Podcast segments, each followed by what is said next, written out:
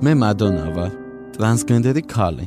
ეს კი ჩემი აუდიო დღიურებია, რომელშიც ჩემს ცხოვრებაზე მოგიყვებით.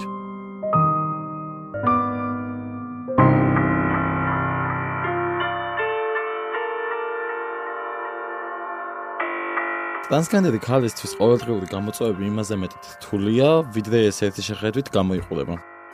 რაც ყოველთვის ხელმისაწვდომია, ტრანსემისთვის ეს ან რთულად მოსაპოვებელია, ან საერთოდ მიუწვდომელი.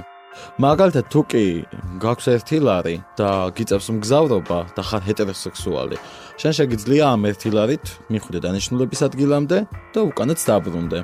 მაგრამ თუ ტრანსგენდერი ხალი ხარ და მგზავრობა გიწევს, მინიმუმ 20 ლარი უნდა გქონდეს ტაქსის ფული. რადგან თუ მეტროში ჩახვალ, იქიდან შეიძლება ცოცხალი ვერც კი ამოხვიდე. თუ ჰეტეროსექსუალი ხარ, შენ შეიძლება ისარგებლო მაგალითად საბითუმო ბაზრობებით, რაც მეტად ეკონომიურია. აი ტრანსგენდერის შემთხვევაში ესეც შეუძლებელია. იქ დასაქმებული ხალხი მწვავე აგრესიით არის გამორჩეული ჩვენ თემის მიმართ. მახსოვს ორი წლის წინ საზამთროს ქერქები შემოგვაყალეს მე და ჩემს მეგობარს. ქალები გვწევლიდნენ.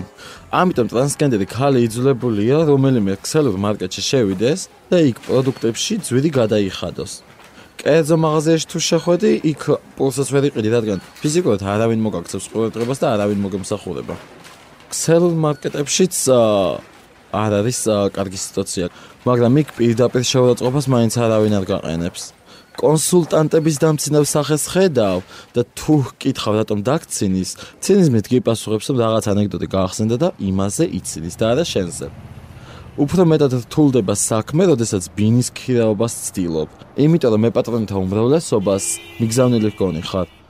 პირდაპირ ვერ გეუბნება, რომ ტრანსფობიური ნიშნით ვერ მოგაქირავებს ან არ მოგაქირავებს ბინას. თუმცა მეორე დილ თუ დაურეკავ, კეთვის რომ ბინაში მისი ნათესავი შეუშვა, ან უკვე ვიღაცაზე იყო დაპირებული. და ასე შემდეგ.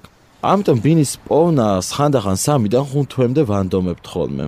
კიდევ გვაქვს ერთი ვარიანტი. თუ ბინაღებს 500 ლარი, მე პატრონეს შევთავაზოთ ორმაგი, ანუ 1000 ლარი და ორმაგი თანხის სანაცვლოდ დავიყოლიოთ ბინის მოქირავებაზე. ეხლა ვთქვათ, გამოიძახეს ასრაფო. და დაგინახეს, რომ ტრანსგენდერი ხალი ხარ. ცდილობენ ხუთი ხელთათმანი გაიკეთონ და ისე გაგიზომონ წნევა, თითქოს ადამიანი კი არა, უცხო პლანეტელი იყო. ეს ყველაფერი უბრალოდ დამამცირებელია და ასეთი განწყობის ექიმი ავატყობს იმაზე უფრო ცუდად გახდეს, ვიდრე დახვდა. უბანში შეგროვილი ბიჭების წინ ჩასვლას და საკვების საყიდად მაღაზიაში წასვლას თქვენ თავისუფლად შეძლებთ. ჩვენ კი ტრანსგენდერ ქალებს იქამდე მოგვიწევს მშიერი ყოფნა. სანამ უბნის ბიჭები არ დაიშლებიან. თუ მაინც გაბედავდა მათ ჩაული, დიდი შანსია იქიდან დასახეთრებული დაბრუნდე. ჩვენს მიმართ ნულოვანი ტოლერანტობა და ფაშისტური დამოკიდებულება ჩვენს ფსიქიკას ანგრევს. თავს გარიყულად ვგრძნობთ და ეს მაშინ როცა საერთოდ არაფერი არ დაგუშავებია საზოგადოებისთვის. მე ტრანსგენდერი ხალი ვარ და ძალიან მენატრება პარკებში სეირნობა. მენატრება ზღვაზე გარუჯვა. კიდევ ძალიან მინდა ძაღლის მოვლა და მას გასეირნება დასჭირდება. მე კი ქუჩაში შეიძლება ვერ გავიდე და შესაბამისად ძაღლი ვერ გავასეირნო. ბევრი რამ რაც თქვენთვის დღის რუტინაა, ჩვენთვის უბრალოდ შეუძლებელია. ამიტომ დააფასეთ თითოეული მზის სხივი, რომელიც მე ასე ძალიან მენატრება.